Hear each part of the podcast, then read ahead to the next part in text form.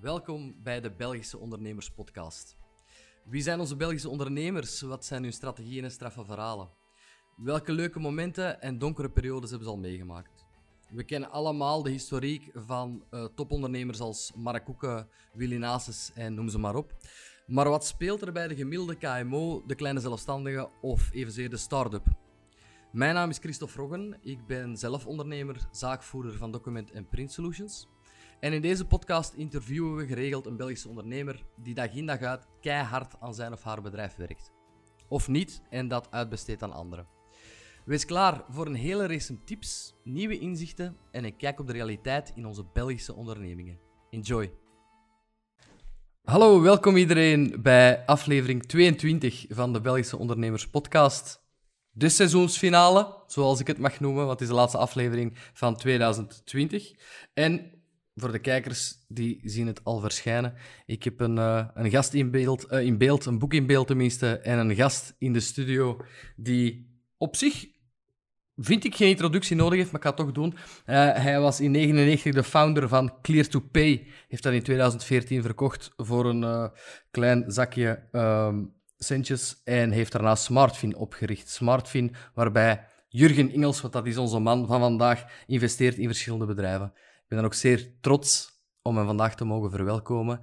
Jurgen, goeie avond is het ondertussen. Welkom bij de show. Goedenavond, dank u om mij te hebben. Heel graag, bedankt om even uh, tijd vrij te maken voor deze podcast. Ja, de boek, er staan 50 lessen voor ondernemers. Ik ga ze niet allemaal overlopen. Ik heb ook duizenden vragen. Ik ga proberen van het, uh, van het correcte stroomlijnen. Mijn eerste vraag, hoe gaat het met u in deze periode? Ja, het was eigenlijk wel goed. Uh, in het begin van de coronacrisis dacht ik, oei, uh, we gaan dat geven voor onze participaties, voor onze bedrijven, waar we geïnvesteerd hebben. Dus het was wel even een klein beetje paniek, alle hens aan dek. Maar we hebben eigenlijk heel snel naar de bedrijven gezegd van oké, okay, er is een mogelijkheid op een, op een crisis, dus kosten onder controle alle nodige investeringen die niet nodig zijn uitstellen. Mm -hmm. Dus we eigenlijk, ik had eigenlijk het geluk dat dat in 2008 al een keer meegemaakt had. Dus we wisten ook wat aan een crisis kan doen. Dus we hebben eigenlijk heel snel erop gereageerd en achteraf gezien is het wel oké okay geworden. We hebben een paar bedrijven, omdat we die onder andere in Amerika actief waren, in New York, ja. uh, hebben we wel moeten uh, heel snel ingrijpen en, en, mensen repatriëren enzovoort.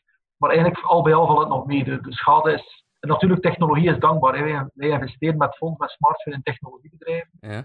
Dus ja, daar hebben we minder impact gehad. En, en, technologie is eigenlijk voor een stuk bespaard gebleven van, uh, van de problemen. Ja, de techbedrijven zijn zelfs enorm gestegen op de beurs. Hè. Die, hebben, die doen beter dan ooit. Ja, absoluut. En dat is ook, uh, allee, dat, dat, maakt mijn job niet makkelijker, want uh, wij investeren in bedrijven ja. en uh, wij proberen dan die bedrijven de aandelen te verkopen aan een hogere prijs. Maar ja. natuurlijk, als je al moet investeren aan een heel hoge prijs, is het ja. moeilijk om er nog een hogere prijs voor te krijgen. Dus voor ons is dat niet zo goed dat de, dat de waarderingen vandaag voor techbedrijven zo hoog staan. Oké, okay. ja, dat wist ik. Ik dacht dat het andersom was. Ik wou u juist proficiat wensen, maar mijn deelneming. We zien al welke kant dat staat. Hè. Als je nu en dan een keer een kunt verkopen, hè, zoals we met Unified Post gedaan hebben recentelijk, is dat natuurlijk wel goed. Maar als je ook moet investeren omdat je een fonds hebt, is het ook wel wat moeilijker. Ja, ja ik zag het verschijnen dat jullie dat verkocht hebben. Je, je zit met Smartfin um, aan de andere kant van de ondernemerstafel. Want je bent gestart als ondernemer. Ja. Je zit in een aantal bedrijven, staat er op mijn blad. 13 heb ik er genoteerd. 13, dat is niet weinig. Je zegt dat een van de grote assets, zeg je vooral in je boek ook, tijd is.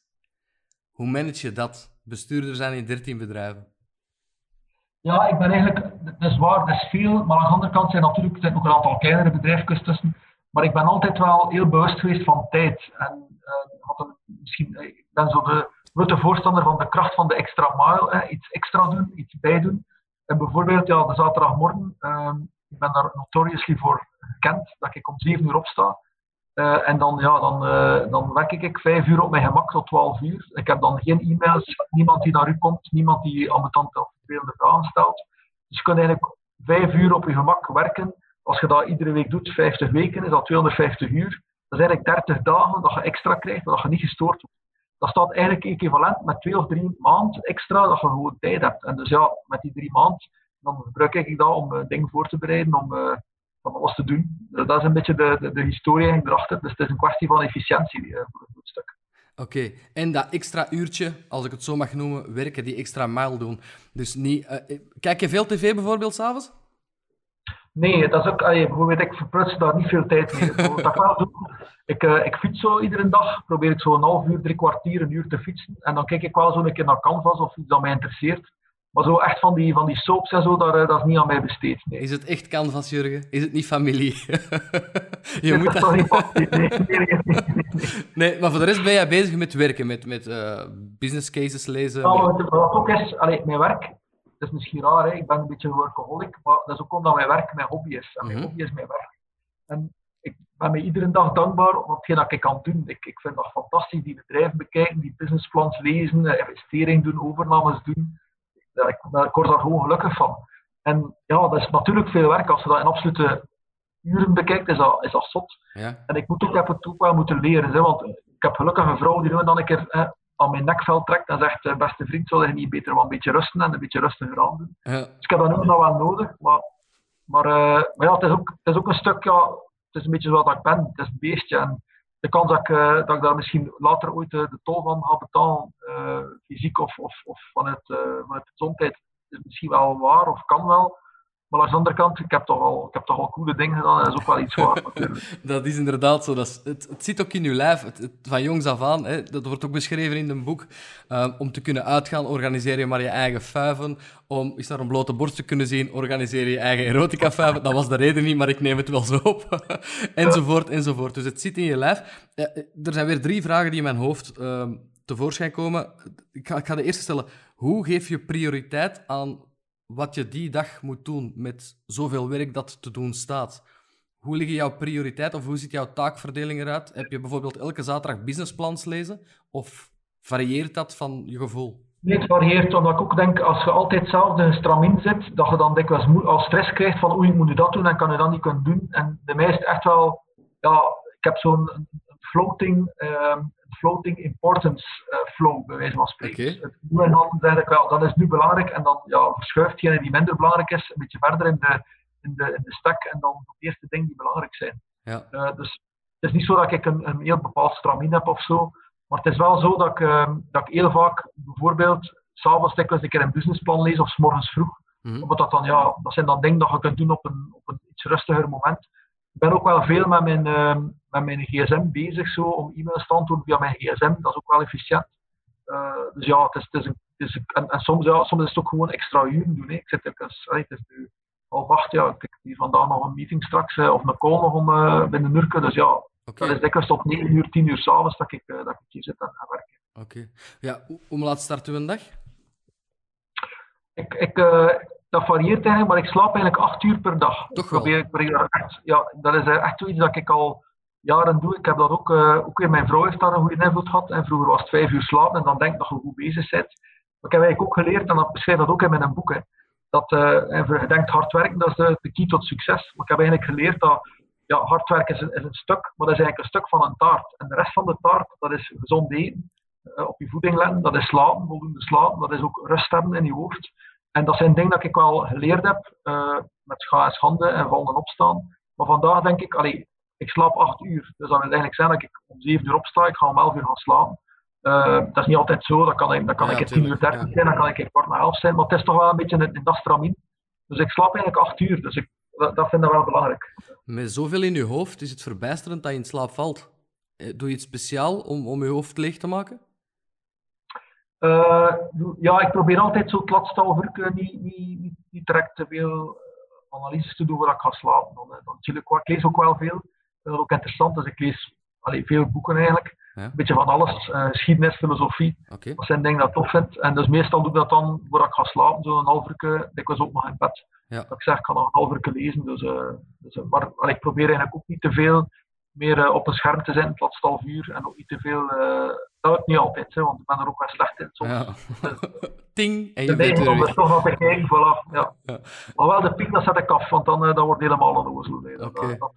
Ja, je beschrijft het zelf. Gezondheid is iets heel belangrijk als je een topondernemer wil zijn, in topshape wilt zijn.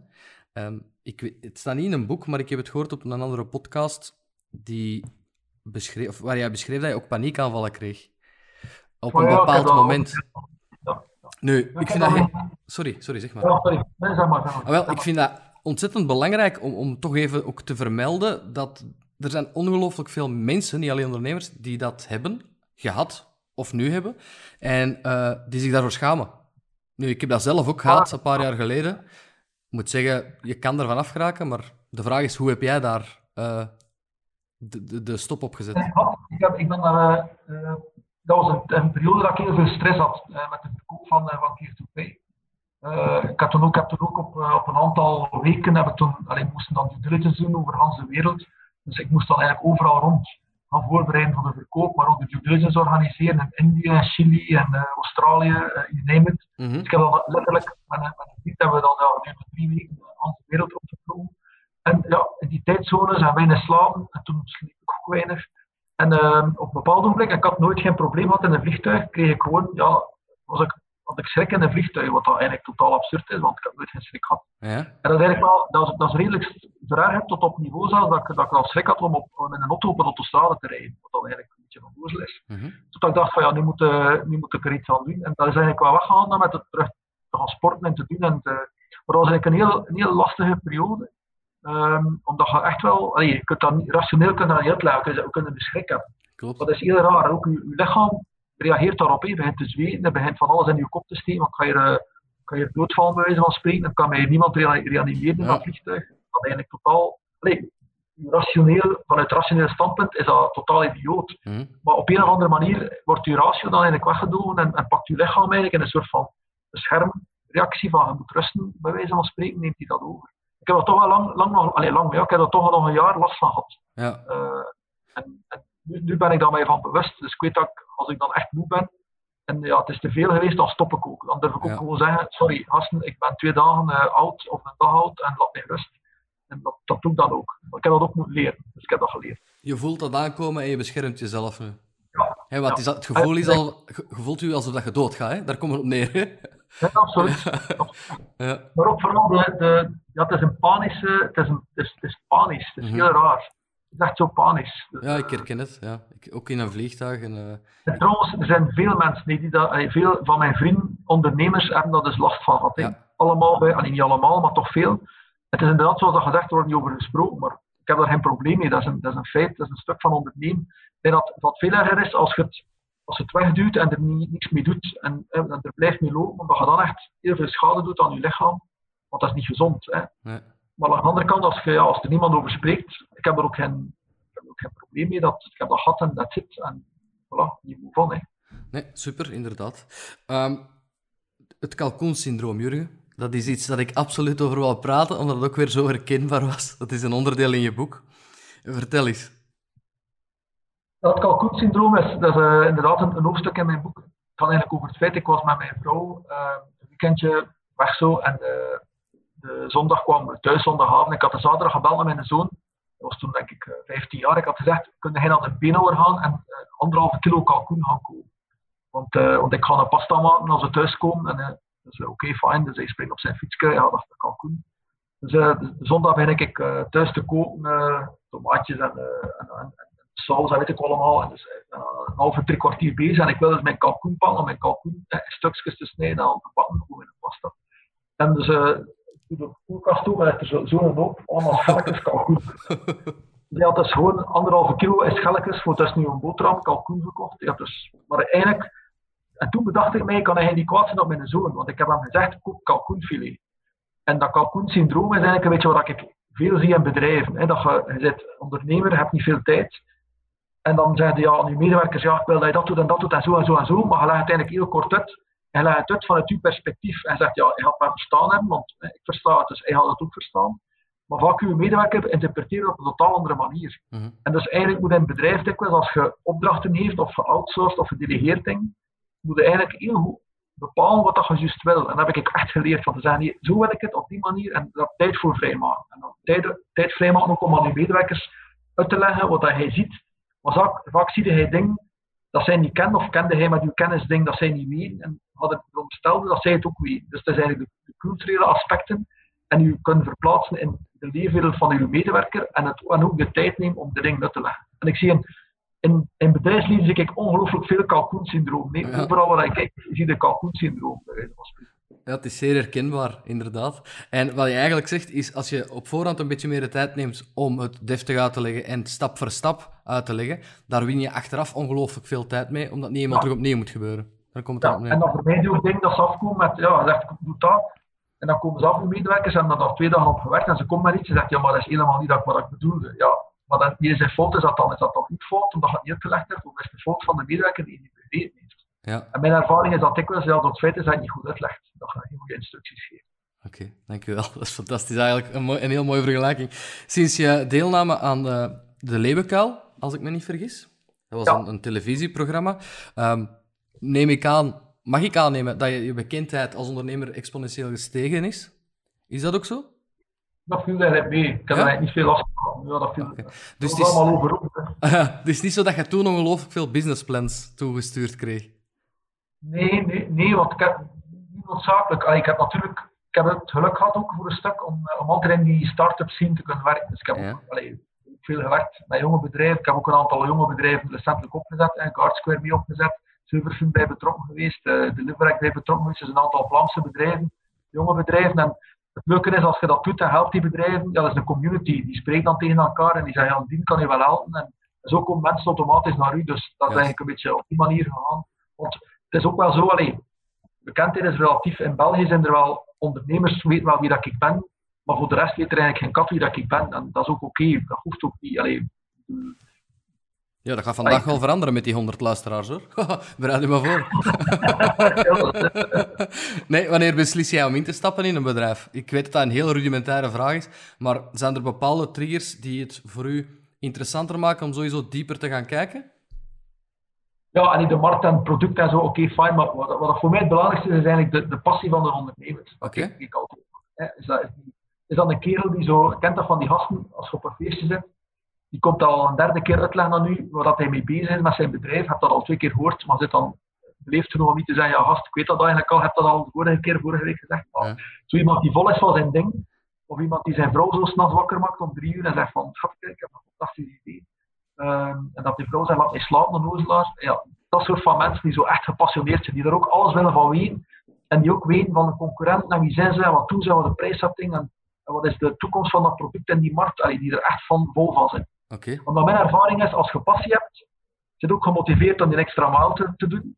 Zit ook gemotiveerd om er meer over te weten. Had er ook meer over weten. Had een betere ondernemer zijn, meer geïnformeerd. Dan had meer succesvol zijn. Dus dat is, dat, dat is allemaal een beetje gelinkt aan elkaar. Ja. Ik heb al gemerkt, niet alleen bij mezelf, maar ook bij, in, mijn omgeving, dat wanneer je een idee hebt en je begint dat uit te werken vol passie en je gaat ervoor, dat je gaandeweg wel ontdekt dat er is een app voor dat. Het bestaat al, of het is al ongeveer in, in, in uh, roulatie ergens is het zo dat, dat bepaalde materie, dat je dat zo kan brengen, dat of het nu bestaat of niet, dat je door de sales en marketing die je erachter steekt, dat je toch nog op de markt kan geraken? Of zeg jij dan bijvoorbeeld al van nee, nee, dat gaan we niet doen, dat bestaat al? Dat hangt er vanaf, maar eh, life in the second place is city. In de zin van, en zeker in digitalisering en zo, en de digitale wereld, is dat niet noodzakelijk geweest de beste beter de eerste zijn dan de grootste zijn. Dus, dat wil natuurlijk niet zeggen dat als je een heel goed team hebt, hè, want je kunt zeggen een heel slecht product hebben, maar een heel goed team, ja, dat is ook oké, want dat goed team gaat dat slecht product wel beter maken. Terwijl omgekeerd, als je een heel goed product hebt en je hebt een slecht team, ja, dat team die gaat dat goed product wel kapot maken. Dus voor mij het team, de mensen, de passie, maar ook het team, wie zijn die mensen die dat doen, is, is superbelangrijk. Mm En aan de andere kant, ja, iets dat in een ander land werkt, naar België brengen en hier succesvol, dat kun je perfect ook een succesvol bedrijf van maken. Die man in Duitsland, waar ook het internet, maar die hebben niet anders gedaan. Die hebben gekeken in Amerika, wat werkt er daar? Ja. Die hebben die, die oplossing, die hebben daar die hebben gewoon clones gebouwd en ze hebben dat in, in Europa gelanceerd en zijn er uh, heel succesvol mee geworden. Dus, bon, het is natuurlijk beter en ik, ik vind ook, mensen denken altijd als je onderneemt, ja, dan moet een, een raket uitvinden of een motor uitvinden of je moet iets revolutionairs uitvinden. En eigenlijk, mijn ervaring is dat de, de, creativiteit en gewoon creatieve ideeën en dikwijls simpele ideeën, hoe simpeler hoe beter, dan is het dikwijls nog beter dan gewoon iets uitvinden. Als ik kijk naar 2 p mijn vroeger bedrijf, ja, wat ik daar neer, die oplossing voor dat probleem van die betaling was geen rocket science. Dat was geen eigenlijk ding dat gewoon niemand aan gedacht om het zo te doen. Mm -hmm. Dus dat hangt veel af met creativiteit. En vandaar dat ik ook wel vind dat ondernemerschap vandaag is veel meer gedemocratiseerd dan 50 jaar geleden. En 50 jaar geleden wilde ondernemer worden, wat dat nodig had. Familie nodig of een vader die ondernemer was en die je kon begeleiden. En je had geld nodig van je familie. Ja, Dus veel. dat, dat, was, dat was heel beperkt. Het was eigenlijk niet democratisch, want het waren altijd de rijken en diegenen die met connecties, die konden ondernemen. Vandaag is dat volledig gedemocratiseerd, want je kunt hij, eh, je infrastructuurkost via Amazon kost niks meer, hè, Mhm. maar 10% van je totale kosten is nog infrastructuur. Je had vroeger 90%, was, want je moest eerst servers kopen en had er nog een beetje geld over om te programmeren. Dus, dus eigenlijk als je op je zolder zit, je hebt een creatief idee, je hebt niet zoveel geld nodig tegenwoordig om te kunnen een bedrijf opstarten en succesvol te zijn. Dus het gaat, niet, het gaat veel meer over, het gaat niet meer zozeer over geld en over connecties, maar het gaat wel over creatieve ideeën hebben. En creativiteit, dat is iets ja, dat kun je dat leren. Nee, eigenlijk moet er een beetje creativiteit kunnen, kunnen beter worden, moet wel een beetje in u zitten. Maar ik denk ook dat dat parallele werk, dat ik ook in mijn boek beschrijf, Ja, dat, dat zorgt eigenlijk voor meer connecties in je brein. En meer connecties in je brein maakt dat je creatiever wordt. ja, en dat je van alle eh, aspecten van ondernemen iets leert. Hè? Want zie, links ben jij bezig met Excel, boekhouding, en rechts ben je bezig met de marketing. Dus je Ja. doet, dat is wat jij doet met, bedoelt met parallel ondernemen. Hè? Maar ja, dus, dus parallel betekent eigenlijk dat de meeste mensen eigenlijk serieel. Het is tegenstellen van parallel. In die zin, ze, ze zitten in een sector en ze werken in die sector en ze worden beter in die sector, maar ze zijn eigenlijk ze zijn niet multisectoriaal, ze zijn uh, unisectoriaal. Ze werken Ja. in één sector. Hè. Terwijl dat ik altijd, van in het begin van mijn carrière, gezegd heb, nee, je moet, je moet ervaring opdoen in verschillende sectoren en je moet de ervaring van de ene sector overgeven en meepakken naar een andere sector om op die manier gewoon beter en sneller vooruit te geraken. Mhm. En dus wat je ziet is dat als je dat drie, vier jaar doet, dat parallel werken, ja, dat mensen naar u kijken en ze zeggen, amai, dat is een slim, want die weet dat en die weet dat en die kan met Excel werken en die kan dat en dat. Ja. Maar eigenlijk zit je niet slim, je hebt gewoon ervaring. Ja. En mensen confusen altijd ervaring met slimmigheid. En, en dus vandaar dat parallel werken, dat ik daar wel een grote voorstander van ben. Je moet natuurlijk wel gefocust zijn dat je met iets bezig bent. Je moet niet per antenne bezig zijn, met anderen in je hoofd zitten, dat, dat, dat is dat niet. Maar, maar gewoon ook ja, ervaring opdoen in andere.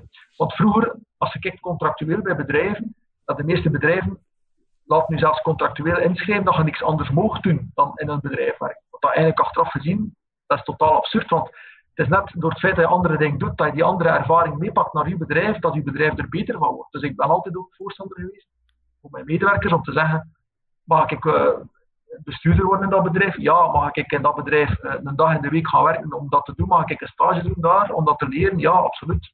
En dat wordt veel te weinig gedaan, vind ik, door bedrijven. Dat vroeg ik me af, hoe kom je dan bij die andere bedrijven? Want het is niet zo dat wij morgen naar links stappen en zeggen tegen bedrijf B, mag ik hier mee in de raad van bestuur komen zetelen of mag ik hier de boekhouding komen doen? Ze zullen nogal lachen. Ja, maar, ja, ja, maar, ja zo daarvan verschillen. Ja? Um, ja, um, er zijn altijd mensen, vrienden je kunt helpen, die zeggen, ja, ik ben daarmee bezig, oh, ik ben daar geïnteresseerd in, maar ik kan niet wat keer, helpen, maar dat ik zien wat doe je dat, hoe doe je dat. En dat, dat, dat is een proces die relatief makkelijk verloopt, vind ik. Het is ook hetzelfde met um, mensen zeggen dikwijls, ja, ik moet een bestuurder vinden. En dan zeg ja, ja, wieso? We moeten echt een keer proberen om gewoon een mail te sturen naar zelfs een ondernemer in het buitenland of een grotere naam. Die mensen zijn tegenwoordig heel toegankelijk. En vaak mensen vinden dat soms tof om in een klein bedrijf in de raad van bestuur te gaan zitten. Hoeft hij daarvoor niet te veel te betalen. Als je dan één keer per kwartaal met die gasten een keer goed gaat eten en een keer uh, op café wat pinten drinkt, bij wijze van spreken. Ja, dat is, dus je kunt ook goede mensen aantrekken zonder dat die enorm veel kosten in uw raad van advies of raad van bestuur. Ja, ja hele goede tip. Um, wat ik al nog, nogal gehoord had, is van zoek een mentor als jongere ondernemer. Dat is wat je bedoelt, neem ik aan. Heb jij momenteel personen die jij, waar je het mentorship over uh, opgenomen hebt? Ja, mentorship is zo'n zo een, een, heel zwaar woord. Hè, maar, er zijn wat jonge ondernemers dat ik help, dat ik, maar, okay. maar ik noem dat dan ook. Ja, ik heb absoluut niet de neiging, beschrijf dat ook in het boek, ik heb niet de, neiging om de waarheid in pacht te hebben. Ik ben ik een professor of een leraar die zegt ik kan in een keer lesjes geven. Dat is, het is ook een titel, vind ik. Eigenlijk moest het zijn 50 inspiratiemomenten of 50. Allee, wat bon, staan nu lessen op, staan lessen op, het zijn eigenlijk geen lessen. Het is ook geen managementboek per se. Het is eigenlijk een boek dat je, ja, zelfs mijn moeder heeft het gelezen, het is een boek dat heel toegankelijk is. Je kunt het aan je kinderen geven, er zijn heel veel vrienden van mij. Die zeggen, ja, een boek, ik heb dat aan mijn zoon gegeven van 17, want die wilde ondernemen. En dat, en dat was ook een beetje de reden waarom ik die boek geschreven heb. Ja. Ik heb twee kinderen. Mijn zoon is nu 17, doet nu het eerste jaar biologie in Leuven. Mijn dochter is 15. Ik denk, een van de twee heeft echt zo uh, ondernemersinspiratie voor momenteel. Dat kan nog veranderen, uh, hopelijk.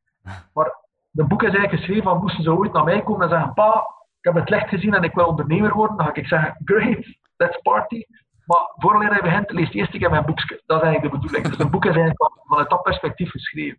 Wel, het is Om eigenlijk niet... te maken dat ik gemaakt heb, dat ze dan hopelijk bepaalde dingen herkennen en zeggen, ja, ons vader heeft die fout gemaakt, of heeft dat zo opgelost, of dat was een probleem, wat hij dat aangepakt. Dat is een beetje de, de reden van ah, Het is niet omdat jij hier over mij zit, een beetje misschien. Nee, niet waar. Echt waar niet. Het is effectief geschreven met allemaal uh, anekdotes en ervaringen.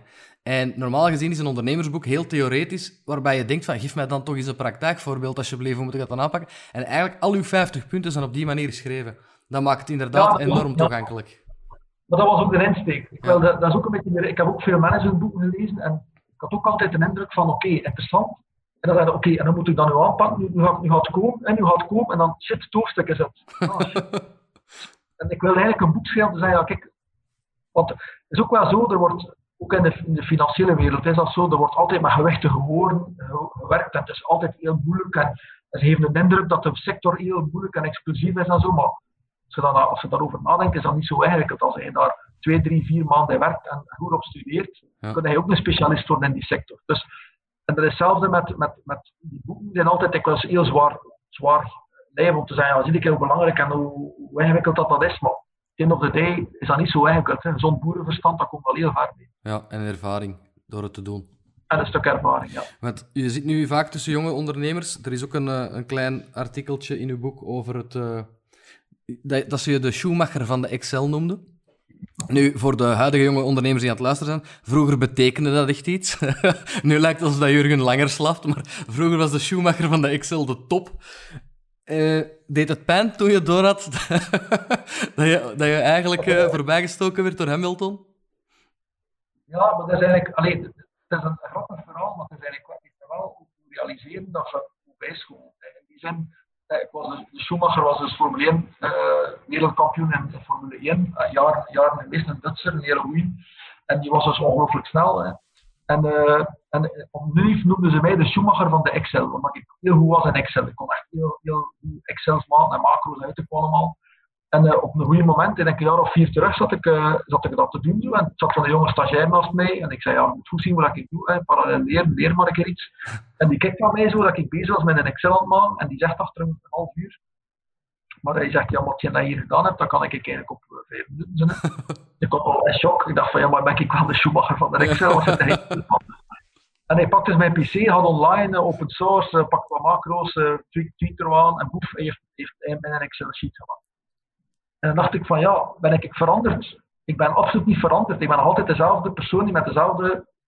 Maar natuurlijk, ik, heb ook niet meer, ik ben niet meer geëvolueerd. En de, de wereld is geëvolueerd en ik ben blijven stilstaan voor een stuk. Ja. En dat is ook logisch, want je kunt niet alles, je kunt niet overal leren. En dan heb ik eigenlijk gerealiseerd van ja, je moet eigenlijk wel, als je bepaalde dingen doet en je hebt ambitie om bij te blijven, ja, dan moet je wel durven investeren in opleiding en investeren in alles bij te houden. En vroeger was het zo, allee, als ik afstudeerde, waar hij hoeveel 40 jaar in onze tijd, kon de eerste 10 jaar ging dat beter dan de laatste 10 jaar, maar je kon gewoon 40 jaar mee hè, in, mhm. in, de maatschappij en in het werk enzovoort. Ja. En vandaag stel je eigenlijk vast dat, dat, die, die, periode is maar 10 jaar geworden, tot zelfs 5 jaar. Dus als je afstudeert en doe geen moeite om nieuwe tools te leren, om nieuwe software te leren die je kan gebruiken om je job te, te beter te doen, om een digitaal bedrijf te zijn, dan word je gewoon, van, dan word je gewoon weggespeeld. En ik heb een van de dingen die in mijn kop zit, alleen in mijn hoofd zit, heb eigenlijk gezegd, ik ga een boek bij schrijven, omdat dat, ik heb dat zelf geschreven, dat is te veel te veel werk. Dat is nu tof geweest, maar, maar nu heb ik recentelijk zitten nadenken, maar zou het niet tof zijn om een keer een boek te schrijven over 50 digital tools voor entrepreneurs. Omdat je hebt heel veel digitale tools die je kunt gebruiken, voor je boekhouding, voor HR, voor, voor uh, sales op te volgen. Ah ja. En er staan ongelooflijk veel tools. Maar eigenlijk iedere ondernemer die start, die kent dat niet, of die weet dat maar half. Ja. En eigenlijk probeert ze dan te proberen met een toolke hier, een toolke daar. Maar eigenlijk zou het tof zijn, moest je zeggen, van kijk, stel nu dat ik morgen een bedrijf opzet, wat zijn de 50 tools dat ik gebruik om heel mijn bedrijf automatiseerd te doen werken? Op vlak van CRM, op vlak van... Eh, maar ja, zo'n boek bestaat niet, maar misschien moeten we dat toch een keer moeite doen om zo'n boek te schrijven, want, dat, is echt wel, dat is echt wel iets toe, met van toegevoegde waarde. Ja. ja, inderdaad. Fifty Shades of Digitalization of zo, ja. Uh, je bent heel hard bezig met die innovatie. Uh, nee, ik ga het misschien eerst anders vragen. Je hebt ook een heel grote uh, do-it-yourself mentality. Je hebt ergens gezegd, ik denk dat het in een boek is van, op YouTube vind je wat je ook wil leren. Het staat op YouTube, er is een tutorial. Deze boek, heb je die geschreven zonder enige ervaring en door YouTube-filmpjes te zien en op te zoeken wat de beste manieren zijn om een boek te schrijven? Of hebben ze je toch wel gesteund ergens? Nee, want Dus, dus, ik heb een boek eigenlijk geschreven. Het was, het was niet mijn bedoeling om een boek te schrijven, vooral duidelijkheid. Maar ik zat op vliegtuig, ik heb veel gevlogen. Ja, ik haat als dat gebeurt. Dat ik zo opsta en dat dat niet mijn bedoeling is om een boek te schrijven en op het eind van de dag ligt daar een boek. Ik haat dat. Ja, nee, nee, nee, dat is, dus, wat er gebeurd is, op een bepaald moment zat ik in het vliegtuig, ik had allemaal films gezien, en dan dacht ik, ja, mag ik weer liggen werken? En ga ik nu gewoon een keer, en ik dacht van, misschien moet ik een keer een kolom schrijven, een kolom. En dacht van, ja, ik ga een kolom schrijven voor eventueel in de tijd, of ga er ooit wel een keer iets mee doen. En er is trouwens, um, een kolom van het boek is verschenen ooit, denk drie of vier of vijf jaar geleden, de Mickey Mouse. Hè, over, uh, ah, ja. Mickey Mouse. ja, ja. Dat is verschenen in de tijd, als, als column. En dan uh, dacht ik, ja, ik heb er niet één, ik had er twee en drie. En, en, en dan had een vriend, ik had er nog een stuk of zeven en zo, die zei, ja, dat is wat tof, ik, dat, ik vind dat wat tof, je moet daar iets mee doen, moet daar iets mee doen, waarom geef je dat niet uit? En die heeft dan eigenlijk dat genomen en dan aan, aan een uitgever gestuurd. We zeggen, oké, hier een maat van mij, die dat hier geschreven heeft, wat denkt u daarvan? En dan uitgever ah, interessant. En zo, zo is eigenlijk de bal. En super. zo ben ik aan mijn boek gekomen. Dus uh, het was eigenlijk niet mijn bedoeling om te zeggen, ik ga nu absoluut een boek schrijven. Ik ben wel heel blij met die, allee, ik ben wel blij. Uh, in die zin, ik heb hem zelf geschreven, dus er is geen, ik heb al iemand gehad die mij geholpen heeft om zo de default en de, een beetje de stijl hier en daar te tweeten, maar, Ja. maar ook naar content toe. Het, is, het zijn allemaal dingen die echt wel... Het is ook daarom dat het makkelijk geweest is voor mij om te schrijven, omdat het, er staat dan niks in van bullshit. Er staat ook geen... Het zijn allemaal dingen dat ik echt meegemaakt heb. En als je dingen beschrijft dat je meegemaakt hebt, ja, dan is dat veel makkelijker om te beschrijven. Want je ziet dat gewoon voor je, je beschrijft het en dat zit. Dus je moet niks uitvinden of je moet niet... Dus, dus in dat opzicht, allee, denk, en denk dat dat ook de reden is waarom mensen dat een heel interessant boek vinden. Omdat, allee, interessant, omdat het authentiek is. Het is gewoon, what you see is what you get. Ja, en je leest het in één en trok uit. Ik ben niet de enige die dat Ja. zegt. Ik heb er nogal gezien die dat effectief posten. En ik heb hem ja, ter voorbereiding drie keer gelezen, maar de tweede keer vond ik hem nog even interessant als de eerste keer. En dat is niet omdat ik onaandachtig gelezen had. Het is echt wel... Het, ik denk dat ik hem volgend jaar terug kan lezen en dat je elke keer nieuwe dingen leert om, om mee te pakken als tip. Ja, het is echt... Ja, eh, ja, en in het boek refereren naar een ander boek, ehm Eat, Move, Sleep. Je hebt dat misschien ook gelezen. ja. Dat is een boek over gezondheid. Hè. En, en dat is ook zo'n boekje. Dat is niet dezelfde stijl, maar het is ook een boekje dat ik zo twee keer per jaar lees. Ah, ja. Dat dat mij helpt om, om eh, waarom moet ik nu eigenlijk eh, gezond leven? Ah ja, daarom, oké. En eigenlijk zou de, dat is ook een beetje het leuke, dat mensen nu en dan zo, om de twee, drie jaar, keer zeggen, ah ja, die boek daar, ik ga dan nog een keer, of ik heb dan een probleem rond geld ophalen, hoe moest ik dat nu weer doen? En als ze dan die drie, vier hoofdstukken rond geld ophalen, of in mijn eigen, dat ze die hoofdstukken een keer lezen, dat, dat, dat, dat is wel leuk. Allee, dat vind ik wel Absoluut. Ja, het leuke is dat er stukken in staan om te starten met een bedrijf, om uw bedrijf verder te ontplooien, maar ook om u een exit te doen, om uw bedrijf te verkopen en om de investeerders aan te spreken. Ja, Ik heb hier, eh, oh, eh, die wordt nu ook uitgegeven in het Engels. Start, grow, sell. Ja, dat is, dat is de titel in het Engels. Dat eh, 50 Lessons. Dus eh, dat had, zo had hij in de UK en de US worden uitgegeven. Fantastisch. Dus maar eh, dus Start Grow Self. Ik denk dat dat eigenlijk beter past in de titel, maar Start Groei Verkopen, dat was eigenlijk niet zo'n goede titel in het Nederlands. Dus, Nee, het is fantastisch dat dat nog eens in het Engels wordt uitgegeven. Het kan goed zijn dat je binnenkort, eh, hoe heet hem daar? Wa- wa- die, die dad, Rich Dad, Poor Dad van de troonstoot met Start, Grow, Sell. het zou mooi zijn. Maar het is inderdaad een, een heel gemakkelijk te lezen boek, Jurgen. Ehm, alleen, ik, ik vraag mij soms af, als jij zelf boeken leest, hè, studeer je, los van het feit wat je juist zegt, studeer jij zelf bij? Zijn dat boeken puur om te ontspannen, of zijn dat boeken echt om, om te studeren en bij te leren over bepaalde materie? Eigenlijk zijn dat, ik lees heel veel geschiedenisboeken. Dat gaat heel raar zijn, maar een van mijn favoriete bezigheden zijn geschiedenisboeken lezen. Dus ik lees heel veel boeken over, over echt over de, de, de core geschiedenis van vroeger, omdat ik vind als je inzicht hebt in de geschiedenis en geleerd van de geschiedenis, hoe dat de wereld geëvolueerd is, en je weet ook wat de krachten te spelen, dat dat een heel goede ehm, manier is om te gaan zien wat de wereld naartoe gaat. Dat is heel raar, maar als je het verleden goed begrijpt, kun je een beter zicht hebben op de toekomst. En de job wat ik doe, hè, met private equity en, en investeren in bedrijven, is eigenlijk voor een stuk gaan zien, ik zie duizend bedrijven, hè, welke bedrijven gaan hier eigenlijk een goed product hebben die in de toekomst adaptief gaan kunnen zijn op de manier dat mensen denken, leven, doen enzovoort.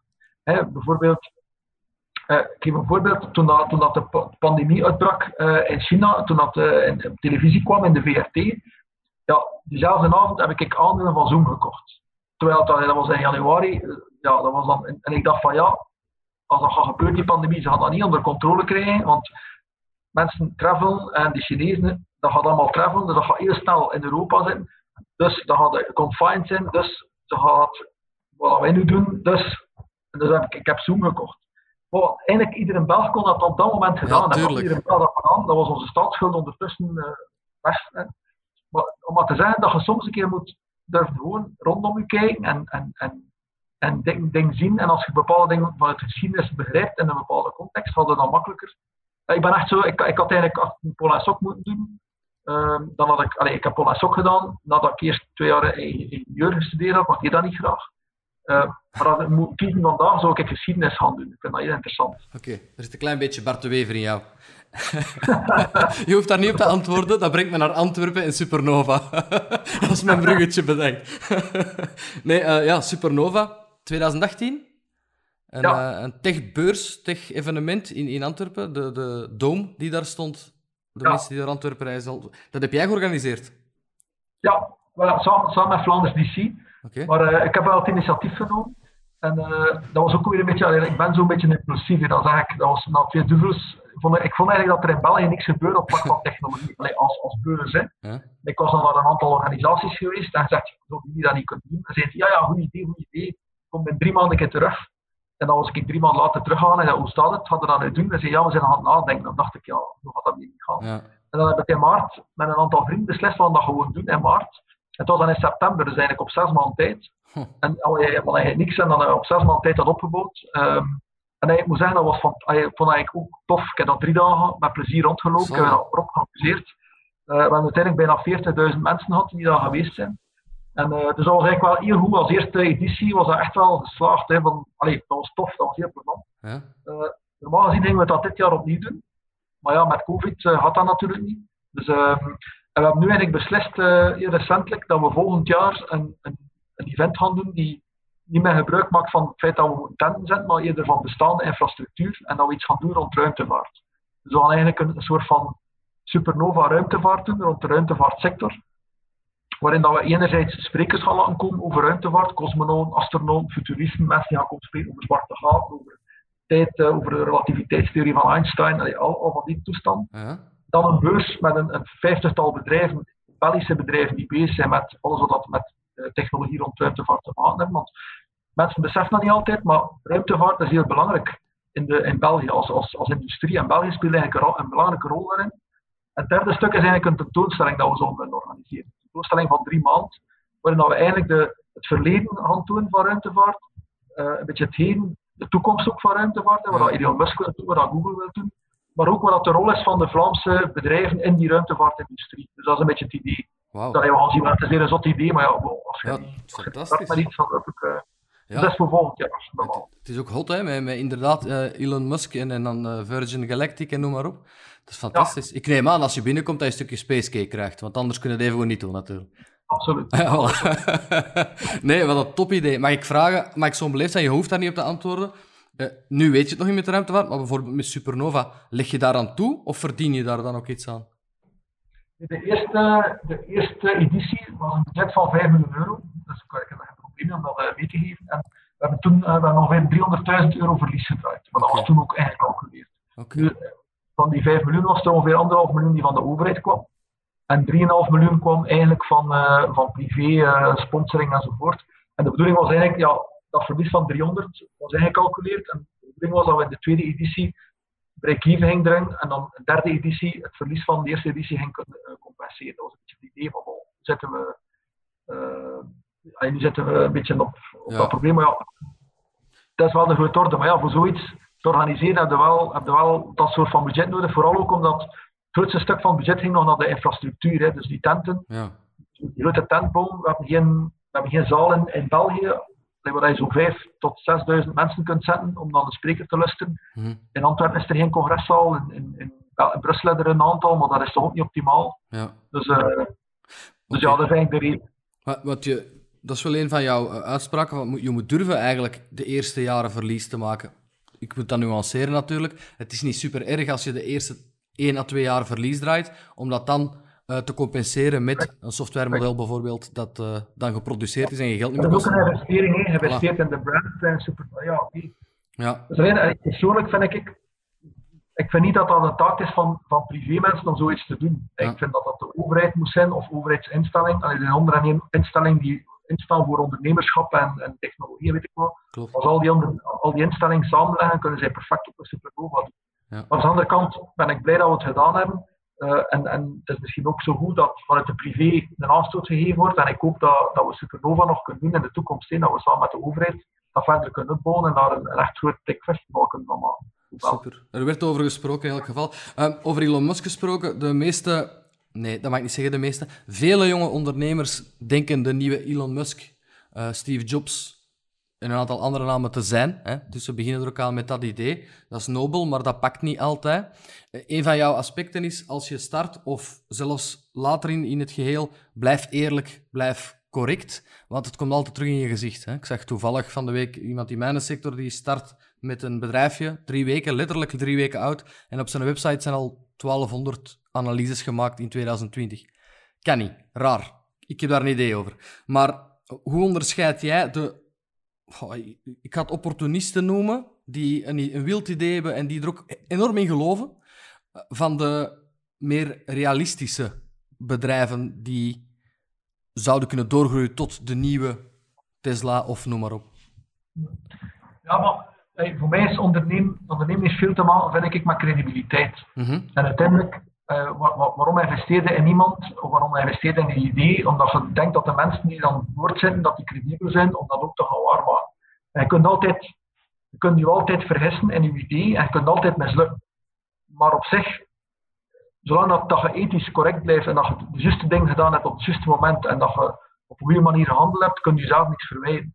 En uh, ja, op je vraag, hoe, onderscheid je dat? Ik, ik vind dat de meesten die zo uh, snel denken van ik ga een keer uh, ondernemer worden en ik ga daar vlug zo aan mensen bedriegen om daar toch te geraken. At the end of the day, de wereld is zo klein dat, en je leeft, je werkt voor 40 jaar, 40, 50 jaar, is lang hè. Ja. Kans dat je al je binnen die 50 jaar iemand dat je in het zak gezet hebt in de eerste 5 jaar terugziet, in de, laatste, de volgende 35 is heel groot. En je credibiliteit, allee, ik heb ik heb ook dommigheden gedaan, maar ik heb altijd, ook al kostte het mij geld, als ik iets had gezegd van we gaan dat zo doen, ik heb altijd geprobeerd om mijn woord ook na te komen in de mate van het mogelijke. Um, en ik vind dat dat belangrijk is, omdat ja, als je zaken doet met iemand, is het ook een stuk op die credibiliteit gebouwd. Mm -hmm. En dus quick wins en, en snel geld verdienen enzovoort, en, en, en ja, dat, dat werkt niet. Dat, dat, dat, dat is niet sustainable voor de, voor de long end. Ja. En wat ik ook zie zijn meestal de mensen die succesvol zijn, eh, succesvolle mensen in mijn omgeving ook, ondernemers ook in de States, zijn allemaal mensen die hard werken. Het zijn allemaal mensen die echt bereid zijn om die extra maal te doen en die dat ook doen. Hè. Dus ze werken allemaal hard. Het zijn ook allemaal mensen die, die heel um, zorgvuldig zijn en met wie dat ze omgaan. En dat is ook wel een heel belangrijk punt. Dus dat trouwens ook in mijn boek.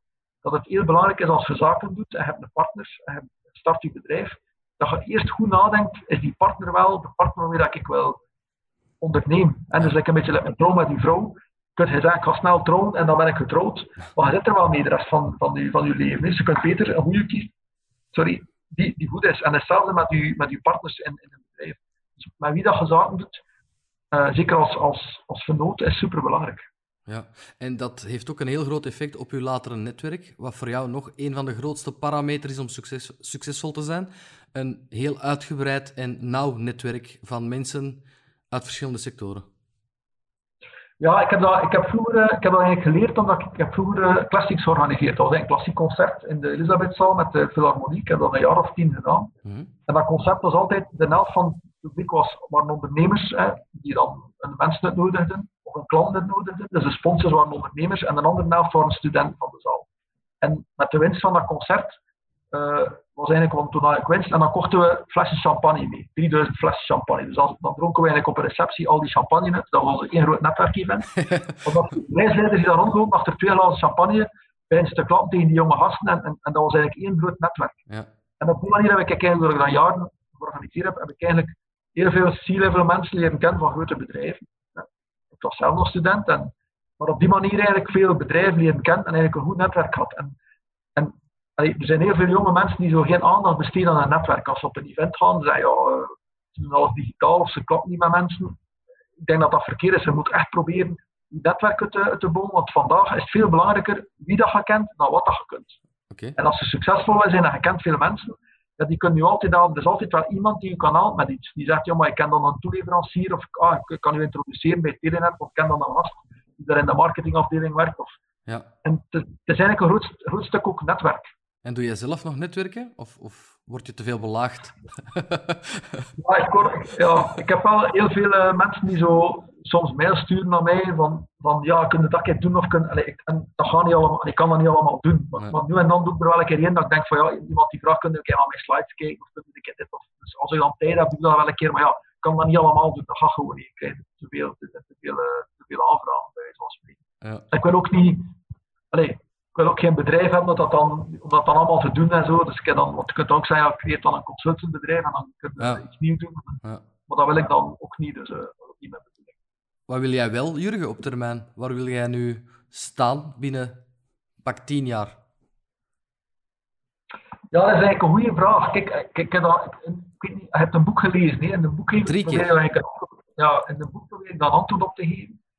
In die zin, als je kijkt naar mijn carrière, ik heb eigenlijk echt van alles gedaan. hè. Ik heb, ik heb een bedrijf gehad en, en dan verkocht en ik heb dan nieuwe bedrijven opgezet en ik heb dan een, ik boek geschreven, ik heb ook muziek eh, gecomponeerd vroeger, ik ben actief geweest in het organiseren en ik heb echt letterlijk van alles gedaan. En als je dat, als je dat aan normale mensen uitlegt wat hij doet, hè, als, je dat, als ik u niet zou kennen en ik zeg wat heb hij gedaan en ik, ik zeg wat ik allemaal doe, dan zou hij dan mij denken, wat een ozelaar is dat hier, hè? wat is dat nou?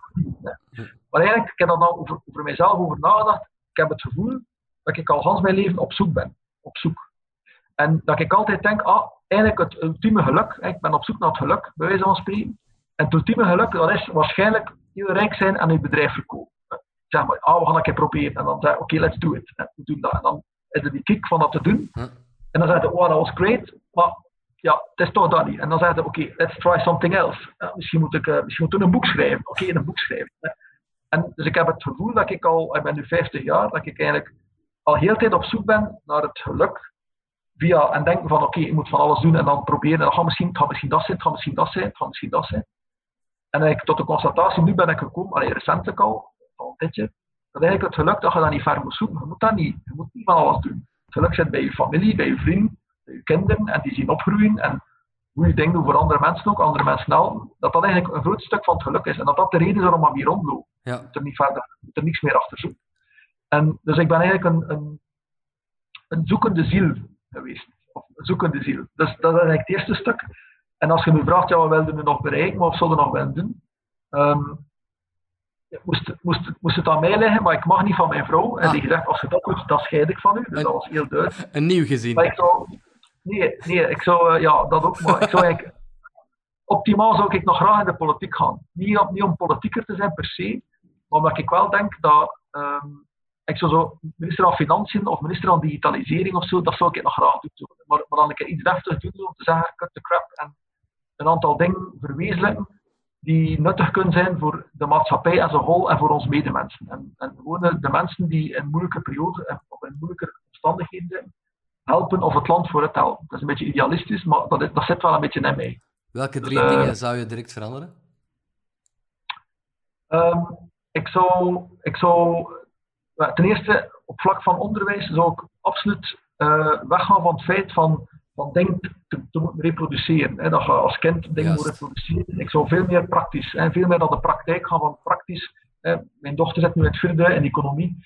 Ze moet dan een balans leren, passief-actief, en, en moet dat dan leren. Maar ze stapt eigenlijk er geen jota van, omdat ze niet, dat er niemand praktisch uitgelegd heeft. Wat, wat wil dat nu eigenlijk zeggen? Hoe werkt dat nu? Dus, Ja. dus onderwijs, denk ik, dat zou het eerste zijn dat ik, eh, dat ik, zou, dat ik zou veranderen. Ik denk dat ik ook ik zou een, hoogstwaarschijnlijk de, de, de lagere lonen van mensen zou ik verhogen. Dus ik zou, want ik, omdat ik vind, dat mijn, mijn moeder is weduwe, ik vind dat die mensen, en mijn vader heeft zijn leven gewerkt, wat, dat, wat dat mijn moeder maar krijgt, dat is eigenlijk schandaal. En dan kan Ja. ze niet meer rondkomen. En er zijn er veel mensen in die situatie. Dus ik zou gewoon zorgen dat mensen die alleenstaande zijn, en die daar een reden voor hebben, die, dat ze dan op zijn minst een deftig vergoeding krijgen, want dat geld komt toch terug in de economie. Dus dat zou ik al een keer naar kijken. En ik zou ten derde, ehm, en dan gaan we misschien niet raar vinden, maar ik zou ook wel naar belasting toe een iets, een iets, ehm, eh, iets socialere belastingssysteem. Hè, waar- waarbij dat je vandaag in de situatie zit dat rijken ja, rijk worden en weten de weg kennen hoe dat ze niet moeten belast worden, Mhm. terwijl de arme sukkelaars belasting betalen en, en niet goed weten. Eh, Ik zou dat toch wel iets meer verbeteren dat de arbeid misschien minder belast wordt en dat, uh, dat vermogens iets meer belast wordt. Toch wel. Waarbij, ja, waarbij je zelf ook meer zou bijdragen dan op dat moment. Ja, oké, maar ja, ik, heb, ik, heb ook geen, ik heb nooit geen probleem om belasting te betalen, zolang dat billig is en dat, dat dat de regels zijn. Als natuurlijk de regels zijn en die zeggen, ja, er is geen meerwaarde, ja, dan is er geen meerwaarde. Ja. Maar langs de andere kant, eh, ze mogen ook met belasting, vind ik, mogen, mogen ook het initiatief niet fluiten. Als je, als, je, als je alles gaat belasten, ja, dan gaat ook geen enkele reden meer hebben om mensen te motiveren om dingen te doen, want als ze dan succesvol zijn, wordt het toch wegbelast. Dus Klopt, ja. Je moet daar een, een, een, gulden, een gulden weg voor vinden. Okay. Maar ik denk dat er wel een aantal dingen zijn uh, in het land dat we, dat we absoluut kunnen verbeteren, vind ik. Maar dat, is mijn, dat is mijn persoonlijke mening. Hè. Dus, ik ga toch weer in de politiek gaan, dus dat is geen, dat is geen risico. Maar, uh, en ik zou uh, misschien nog een vierde ding, ik zou absoluut inzetten op digitalisering.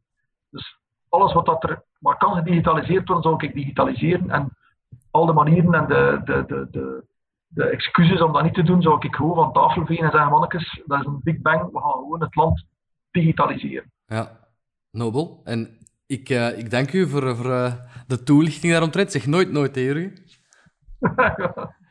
zeg, ik... Dat is geen verkiezingsprogramma of zo. Ja. Nee, maar het is, het is een interessante denkpiste. Um, ik had op Instagram een oproep gedaan van... Ik heb een podcast met Jurgen Ingels. Zijn er mensen die vragen willen stellen? Mag ik er u drie toesmijten? Ja, absoluut. absoluut. Uh, ik had van Tom...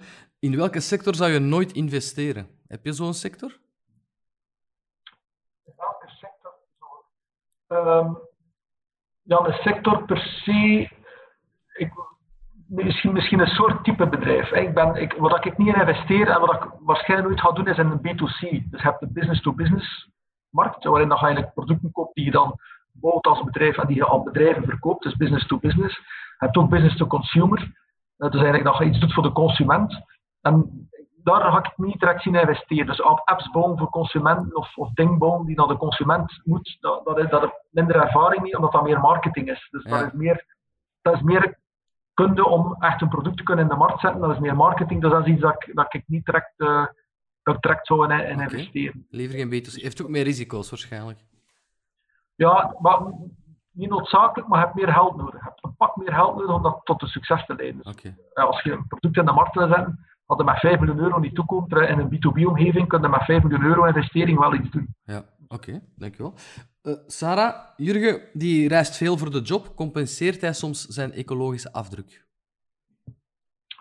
Um, compenseer ik mijn ecologische afdruk? Uh, nee, niet, niet per se compenseren. Wat ik wel doe, dat is eigenlijk iets bewust dat ik al, dat doe. Ik investeer wel zo in, in welzijn. En wat bedoel ik daarmee? Ik heb uh, met een aantal vrienden, collega's, ondernemers, heb ik een jaar of zes, zeven geleden hebben we bussen gekocht, bussen voor Afrika. Omdat heel veel kinderen, maar ook mensen tussen steden en, en kinderen die moeten afgehaald worden van school, die worden dikwijls omvergereden, uh, s'nachts door de brommertjes en zo. Huh? Dus we hebben toen eigenlijk een bus, een, bussen gekocht om die kinderen, maar ook tussen steden uh, mensen makkelijker te brengen, omdat die bussen, iedereen zit daar van bovenop in Afrika, dat is niet comfortabel, dan valt er keer af.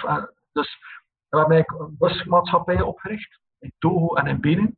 Uh, we hebben daar heel veel problemen gehad, omdat die, die nafte werkte niet enzovoort. Huh? Maar nu is dat eigenlijk een, een grote busmaatschappij.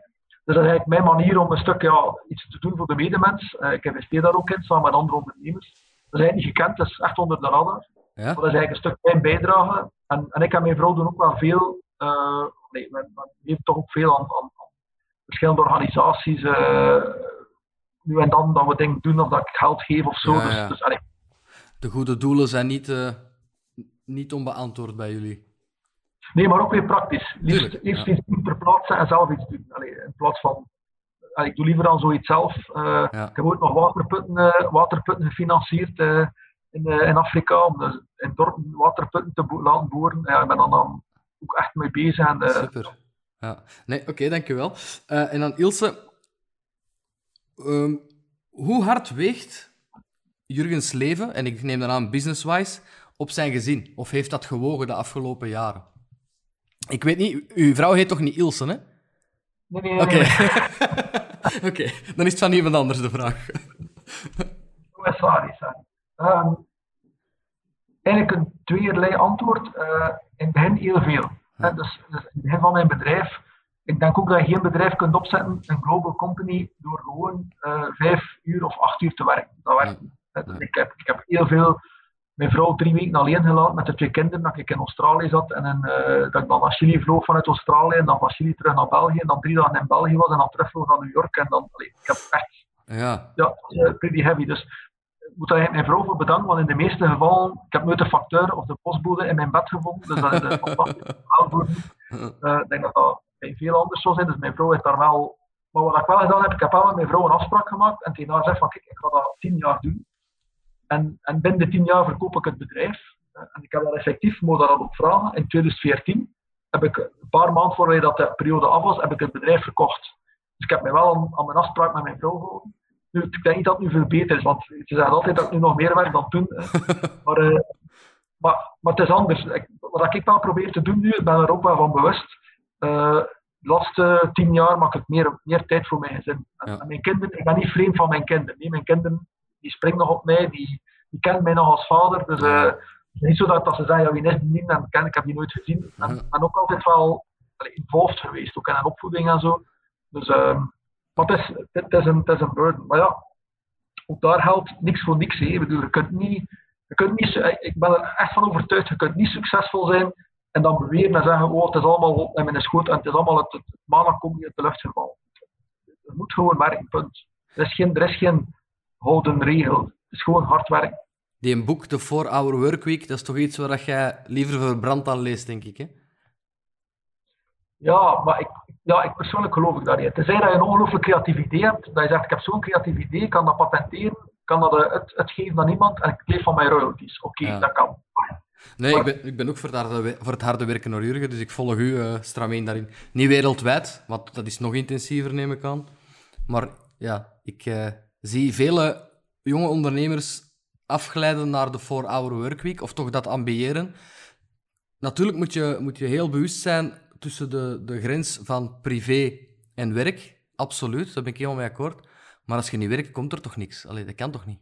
Nee, maar je moet ook, ik denk dat je ook moet, je moet ook eerlijk zijn met jezelf. Mm -hmm. zijn, ik zie veel, toch veel would-be ondernemers. En gasten die zeggen, ik wil ondernemer zijn, maar ze zijn het eigenlijk niet. Ze hebben het niet in hun bloed. Ze hebben, ze hebben het gewoon niet. En dat is, geen, dat is, niet slecht. He. Niet allemaal ondernemers zijn in de wereld. Maar ze hebben het maar ze vinden om een van de reden, omwille van ouders, omwille van imago, omwille van aanzien, omwille van het feit dat ze vinden dat dat goed staat op hun cv, willen ze toch maar ondernemer zijn. Want ze moeten toch founder zijn, of ze moeten toch... Ja, dat is... Je moet in je leven doen, is echt waar. Hè. Als er één iets is dat. Nee, je moet doen wat je graag doet. Punt. Je moet doen wat je passie zit en wat je graag doet.